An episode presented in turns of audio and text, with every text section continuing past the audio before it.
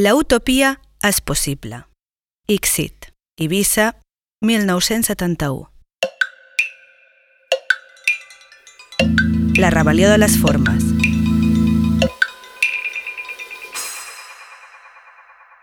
Daniel Giral Miracle, crític d'art i membre del comitè Ixit. Jo allà vaig veure enterrar el noucentisme i néixer la generació del disseny. Jordi Pericot, catedràtic emèrit de la Universitat Pompeu Fabra. La contradicció precisament és motora de fets. Joan Antoni Blanc, dissenyador i artista. La capacitat de risc que vam assumir. Potser avui no ho faríem. André Ricard, dissenyador industrial. No tinc cap sensació d'haver perdut el temps, que em vàrem sentar un esprit. Santi Ponseti, economista. Van enviar una patrulla para que abatiesen el obstáculo a la navegación aérea. Jordi Manyà, dissenyador industrial i tècnic en ergonomia. Ha quedat, ha quedat, o sigui, és impactant, és, va ser impactant en tots els aspectes. Fernando Amat, botiguer. Era una cosa quasi impossible de fer. Carlos Ferreter, arquitecte. Va ser una història que va tenir llums i ombres. Vigas Luna, director de cinema. Creativa, cultural i al mateix temps amb un potencial lúdic magnífic. Luis Racionero, urbanista i escriptor. Pensa que és tan destructiu del sistema indignar-te com disfrutar. José Miguel de Prada Pool, arquitecte. Que la gente se necesitan los unos a los otros y se enseñan cosas.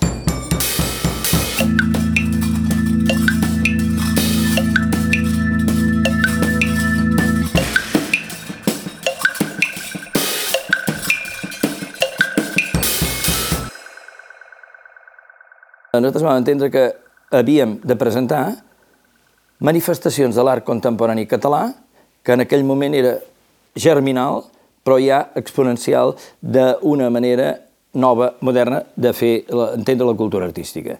És així com la Instant City ho representa, és així com els inflables del Ponsatí, que van costar molt d'aixecar, es van transformar amb el tòtem de debò, perquè des de lluny es veien, era el punt d'identitat, i va molta gent col·laborar en la City i en el inflable del Ponsatí amb una obra col·lectiva que no era un happening, sinó que era jo col·laboro amb la meva força física, jo col·laboro amb el meu temps, jo graparé, jo estaré tota una nit aguantant l'inflable a veure si el vent bufa i puja, i coses de molt comunitat entesa.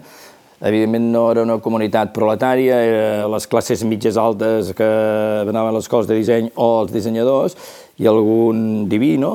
però eh, un esperit de participació prop del fenomen social que estava vivint-se a Califòrnia i altres indrets. Doncs jo aquella època considerava que un congrés de l'ICIT havia d'enfrontar-se als problemes pròpiament de disseny en un context com era aquest país, aquest d'aquest estat, que era la irracionalitat total i que, per tant, la raó i, la, com diria jo, la, el concepte de disseny socialitzant és el que havia d'emparar i en aquell moment per mi presentar el Congrés de Disseny a partir d'aquesta parafernàlia artística em sonava una mica a sacríleg. Va haver l'activitat cultural. Per què se'ns va ocorrir fer events paral·lels, a part de l'Instant City? Per què van connectar amb Miralda, amb el Ponsatí i amb el Muntades? Com havíem d'inaugurar? Jo, a través de Sirici i alguna viatge a París, coneixia el grup dels catalans. Els grups de catalans estaven triomfant fent els ceremonians blancs, negres, a França, a Bèlgica, altres indrets. Ja feia happenings molt coneguts a Alemanya i altres països. Però aquí no eren coneguts, jo coneixia només pels articles del Sirici Serra d'Or. I vaig preguntar al Sirici si, si li semblava bé que el sopar inaugural el féssim comptant amb aquest equip. I sí, sí, vam fer un ceremonial el Miralda. I el seu equip. Un grup que es deia Miralda Seix. Va organitzar la festa de benvinguda. La soirée inaugural més desconcertant. Imaginem-vos la classe de Miquel, una cala tancada, amb muntanyetes als dos costats, i un caminet que anava fins a una capelleta que es veia allà dalt. Des de la capelleta es va organitzar una processó. Una processó és una fila de gent que anaven modificats d'aspecte, tots amb una careta de plàstic blanca, i amb els plàstics que encara quedaven de la d'Instant City van fer uns quadrats, van fer al mig, van fer uns ponxos de colors. Tots posaven una capa de colors que els tapava fins als peus i la careta blanca, per tant eren personatges. I una espelma. I van baixar des de la capella fins a la platja en processó. L'espectacle era extraordinari. Era com les baixades dels esquís en, en torxes, una cosa d'aquest tipus. I a més es veien els colors de les caretes blanques, les capes de, de colors, tot plegat. I arriba baix se va organitzar una menjar col·lectiva. Vam pensar, en comptes de fer un gran sopar al restaurant de l'hotel, doncs aprofitem la platja, era el mes d'octubre, encara feia bon temps, aprofitem la platja per fer una festa. Diguéssim, un happening, en deien el get together, el trobar-se, diguéssim. Amb què Instant City i el Congrés realment es van ajuntar. Una menjar col·lectiva, va fer una gran paella de colors. Un dinar de colors. Que el vi era de color verd, el pollastre era de color groc i la paella era, ja no me'n recordo de quin color, però de tot menys del color de safrà. Molt original. Va ser extraordinària. Culinàriament va ser imminjable, però això era el de menys. La festa va ser molt vistosa perquè imagina't una paella immensa de colors, amb gent al voltant en caretes blanques vestit amb capes de colors. La llum apagada, la llum encesa. Tot plegat era una cosa com un acte sacramental. Tenia una força brutal, de nit, a la platja, tot plegat. Bueno, la gent al·lucinava. El que va passar és que la gent que venia venia amb la idea dels congressos d'abans. Les dones vestit de gasa vermella amb tacons, els senyors més amb corbata, i està clar, van anar a la platja amb aquest esprit, el qual va haver-hi un xoc cultural, diguéssim, absolutament, que va ser ja un, un mal començament en aquest sentit. Va crear un esprit de por, de gent que venien de lluny, Espanya no era tan coneguda turísticament, allà, allà, on home han caigut en aquesta gent mig salvatges, perquè està clar, la platja aquella amb gent corrent amb màscares i menjars de colors i torxes va espantar un, tipus de congressista, diguéssim, molt tradicional. Però aquell desconcert va ser el principi de que la gent pensés què carai han organitzat aquests tios, com han organitzat aquests tios i què volen dir amb això. Va ser bastant curiós que al final de la festa era una altra vegada cada ovella al seu corral. És a dir, els dels hotels van tornar a pujar als hotels, els de Instant City van tornar cap a les coves per l'altre costat dels hotels i que és molt frèstec, i allà és on es va muntar tota una sèrie d'orquestines de música i, segons us van explicar, la majoria de persones de l'hotel van sortir a la terrassa dels hotels per escoltar el concert que els dedicaven. I ja dic, i Instant City estava pràcticament abandonada, deserta, és a dir, uns estaven a dalt als hotels i els altres estaven a dalt a la muntanya. Els restes que van quedar, tant del sopar a terra com quan es va desmuntar tota la, la infraestructura del Congrés i l'Instant City, tot el que va quedar, va quedar durant temps. Hi havia uns americans que eren estudiants, portaven de la seva escola, portaven càmeres de vídeo, que aquí nosaltres encara no, n'hi havia alguna, però no es feien servir. Van filmar en vídeo, van fer tot un reportatge d'aquesta notícia, i a l'hora de dinar, el primer dinar que es feia a dalt en l'hotel pels que eren congressistes i que, per tant, amb la seva inscripció tenien habitació a l'hotel, tenien el dinar, a un moment del dinar entren a dintre del menjador i amb unes pantalles projecten allò. Va ser també un altre moment de tensió. Fantàstica l'experiència dels inflables del Ponsatí. Ponsatí va plantejar fer una estructura inflable, la peça, que deia ell, la peça, la peça. Ponsatí estava d'una potència que s'arrastrava a tothom que tenia al costat, perquè estava obsessionat, era, era un il·luminat. Total que tenien que inflar unes, coixines, unes coixineres de, de 10 metres per dos, en heli, amb bombones d'heli, a la platja, i els tenien que lastrar perquè no se n'anessin. I així vam anar fent una sèrie de coixins lligats tots ells i anclats. Va ser una cosa tremenda perquè la tecnologia no estava prou dominada. La gent s'hi va posar, o sigui que una de les coses que va fer, que a més de la participació va ser que els van donar motius per participar. La gent del Congrés s'hi va apuntar, els dels Ten City, Usel també, vinga, a fer feina, tots allà, una certa desorganització, però un voluntarisme colossal. Que cromàticament allò era fantàstic, era un espectacle. Era un dia brillant, de sol i la peça que pujava. Bueno, va ser... La gent va quedar tot emparada allà. Silenci, la peça pujava, anar. Eren com uns coixins, així, eh, rectangulars, lligats pel mig, un amb l'altre amb l'altre. No? Quedava cada un pues, posat com podia. I així ens anava lligant coixins i els omplien d'un gas que tenien allà i que s'enlairava. I pues, la cosa es va començar a enlairar i clar, quan hi havia un pues, aguantaven la corda i quan hi havia dos pues, aguantaven la corda, quan hi havia tres també, però clar, quan hi havia set o vuit ja no hi havia qui pogués aguantar fins que al final, no sé, algú se li va escapar de les mans perquè allò cremava els dits i, i se'n van anar. No sé si se'n van anar tots o se'n van anar quatre o cinc coixins d'aquells, però bueno, se'n va anar cap amunt, se'n va anar volant. Lo del Ponsatí, jo em vaig quedar molt impressionat i a partir de llavors em vaig convertir en un bon col·laborador del Ponsatí. Tots els projectes que ell seguia fent, jo sempre m'hi vaig enganxar perquè era una cosa quasi impossible de fer i ell ho aconseguia, no? És d'una bellesa extraordinària. El que estava passant a terra tot era una mica, no d'anar per casa, però quasi, però en canvi, el del Ponsatí, quan ho vam veure aixecat volant allà sobre del mar, és una cosa impressionant. Era un exercici d'una obra efímera. Després, dies més tard, també sempre a través gràcies dels nostres amics guàrdies civils, ens vam enterar de que sembla ser que desaparegut no havia desaparegut per tothom, perquè semblava que entorpien l'aterratge i el despegue dels aeroplanos, dels avions de l'aeroport i van enviar una patrulla, sembla ser, de cases de l'exèrcit perquè abatiessin l'obstàculo a la navegació aèria. I, tornant amb el barco, des de la popa veiem que l'estela que deixàvem feia una curva molt estranya. Enmig del pas de l'embarcació hi havia un dels coixins de l'inflable del Ponsatí allà i suposo jo que el capità de l'embarcació o l'oficial que estigués eh, de, de guàrdia en aquell moment davant de la ignorància de què era aquella cosa va optar per uh, bypassar-lo i esquivar-la. L'aportació del Montades és germinal, perquè el Montades és el primer home que ens presenta per ells vídeo aquí, i un vídeo rudimentari i primitiu, però ja teníem vídeo, i fa el Bacoflex amb un material nou, una platja molt, molt land art, molt conceptual, el 71 molt pioner, no?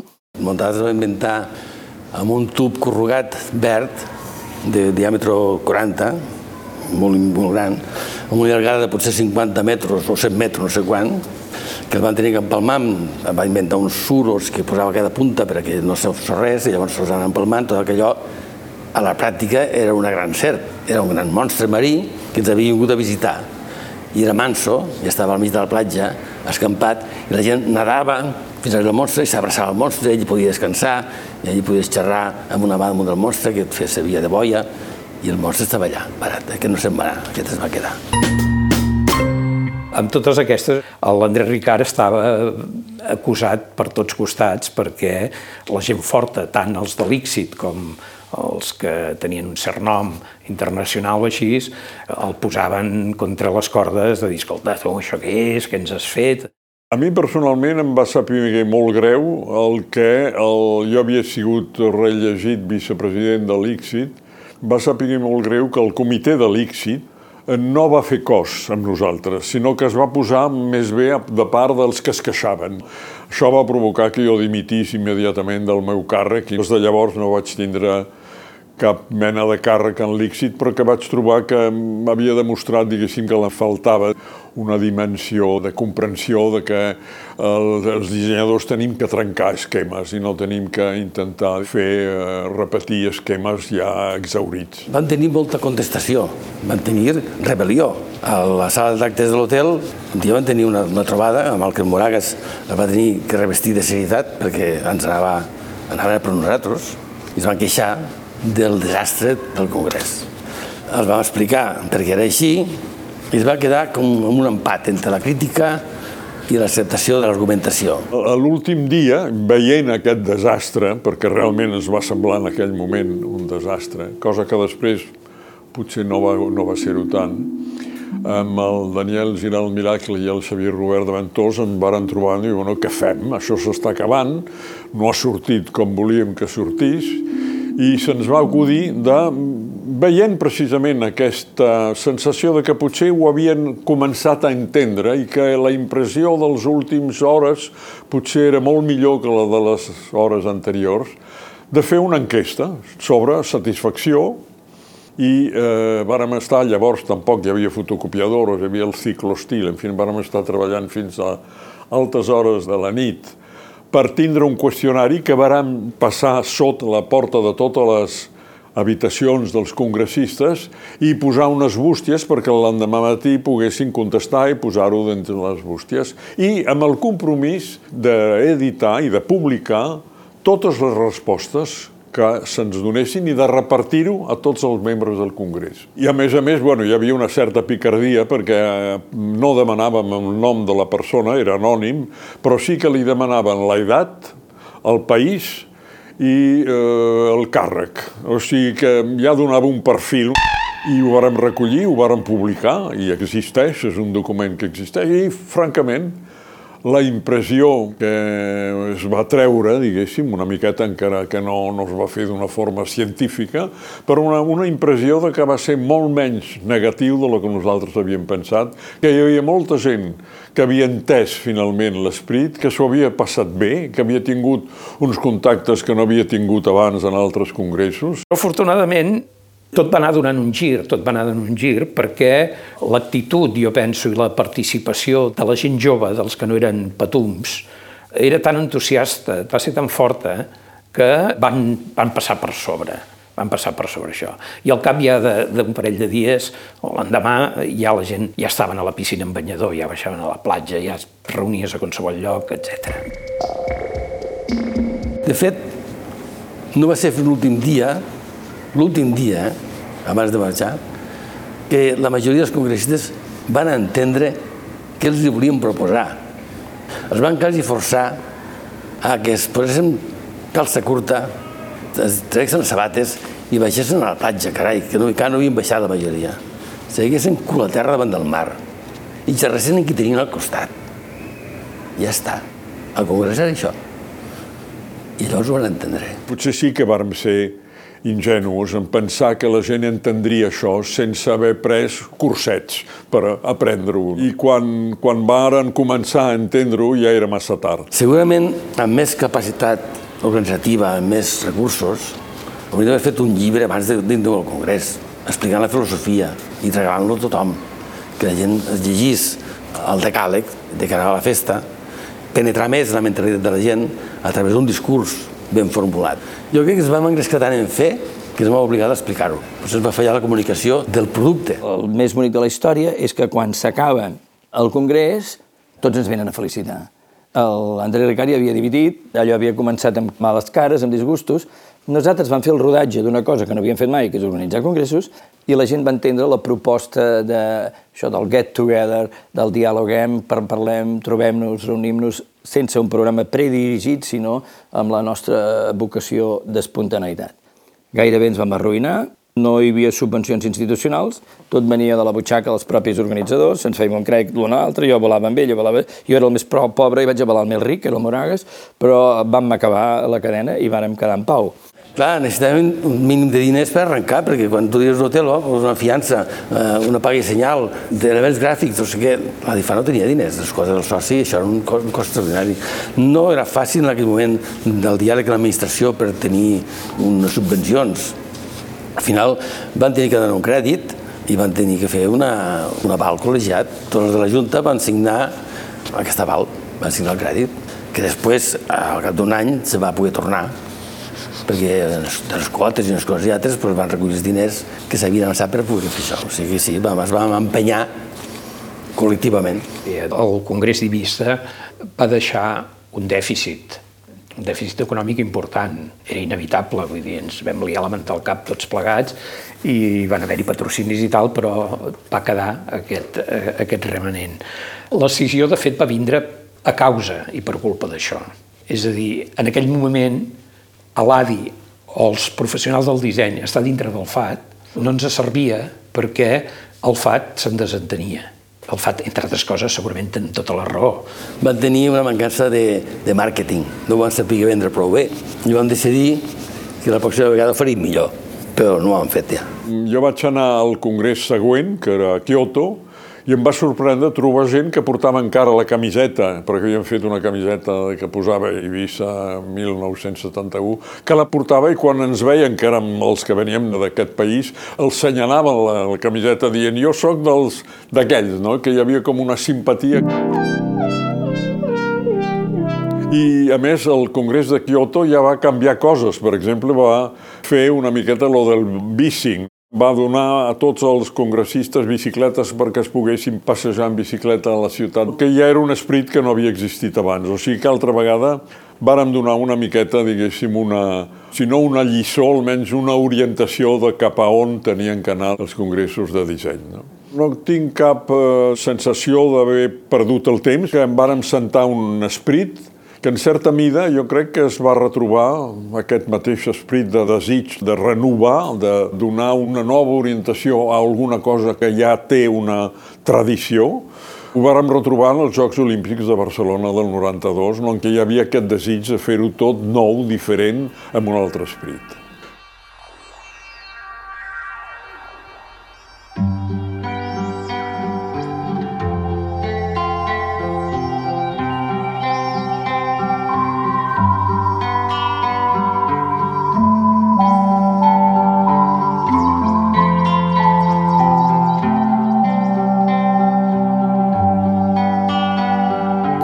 Experiència sociològica ben bé remoguda, però que explica el trànsit del que va passar dels 68 als 70 i als 80. El post-hipisme, el post-maig del 68, la fi del noucentisme en el món barceloní i el món del FAT, jo allà vaig veure enterrar el noucentisme i néixer la generació del disseny. Per tant, en el camp professional del disseny s'inicia un nou cicle i en el camp de les arts vam tenir la intuïció de convidar aquells artistes que estaven parlant els nous llenguatges i que no eren exhibits a les galeries, que no eren coneguts a l'òrbita catalana i que tenien tots un peu internacional. I això, aquest hibridament, és en part l'èxit del Congrés XIT 71 el que és la, la capacitat de risc que vam assumir.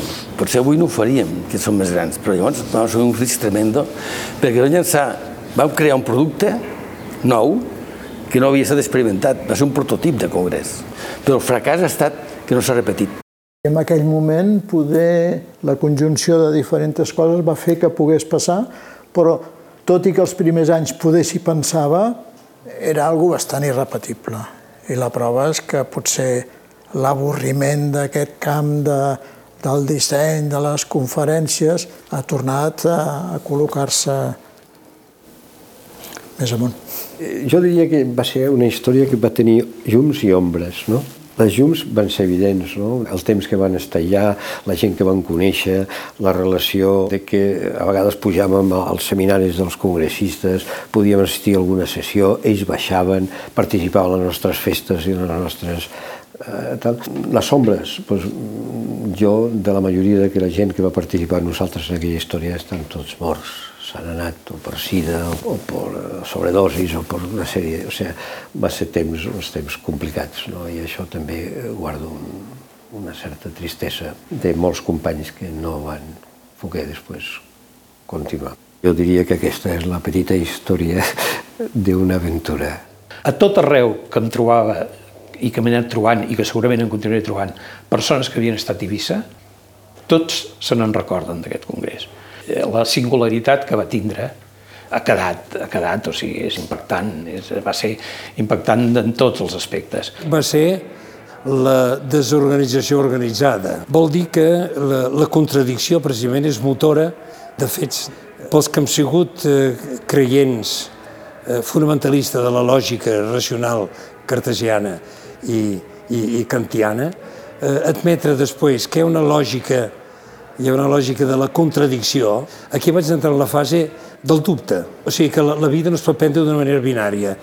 Em va obligar, potser, a deixar aquest fonamentalisme binari que tenia jo en aquella època. Té una cosa magnífica que avui es troba molt a faltar, amb aquest tipus de, d'aconteixements, que és aquesta barreja de part creativa, cultural i al mateix temps amb un potencial lúdic magnífic. Aquest imaginari novedor, pseudo-revolucionari, això per mi va ser fonamental. Possiblement allí va sortir part de la força que vaig eh, lograr per trencar amb unes coses i atrevir-me a unes altres que en aquell moment no coneixia. Hi ha una frase que m'agrada molt que diu desprenderse de la seriedad. No? Em sembla que era Lin Yutan, aquest filòsof xinès. No? Diu, hay que desprenderse de la seriedad. L'Instant sí tenia alguna d'això. No? O sigui, hi havia, hi havia cultura, hi havia tal, però la gent es tenia que divertir. No? I tot era, no sé, algo, algo magnífic, no? amb una gran energia i es van poder desinhibir els comportaments, perquè ho va propiciar l'arquitectura, l'espai, la natura i la pluralitat de persones que es van trobar. I això ja ha calat. Quan se senten aquí a la plaça Catalunya, el que ara en diuen els indignats és un veïn. Jo això ni deia veïn. I l'única diferència entre nosaltres i ells és que estan indignats i nosaltres estàvem divertits. Pensa que és tan destructiu del sistema indignar-te com disfrutar perquè el sistema no disfruta. El sistema és un sistema purità, més aviat repressiu, tristot i seriós. Els hippies ja eren una protesta contra el sistema, era una alternativa. Escolti, que es pot viure d'una altra manera. I no érem indignats, érem divertits. Divertíos per contra dels indignados. Perquè divertint-se igual poden protestar. Para mí fue un ensayo a muy corta escala de lo que debería ser una sociedad utópica del futuro.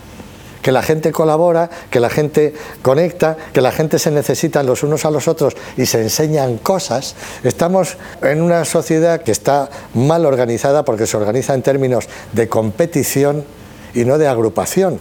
Pues para mí fue como una especie de destello que te confirma que la utopía es posible.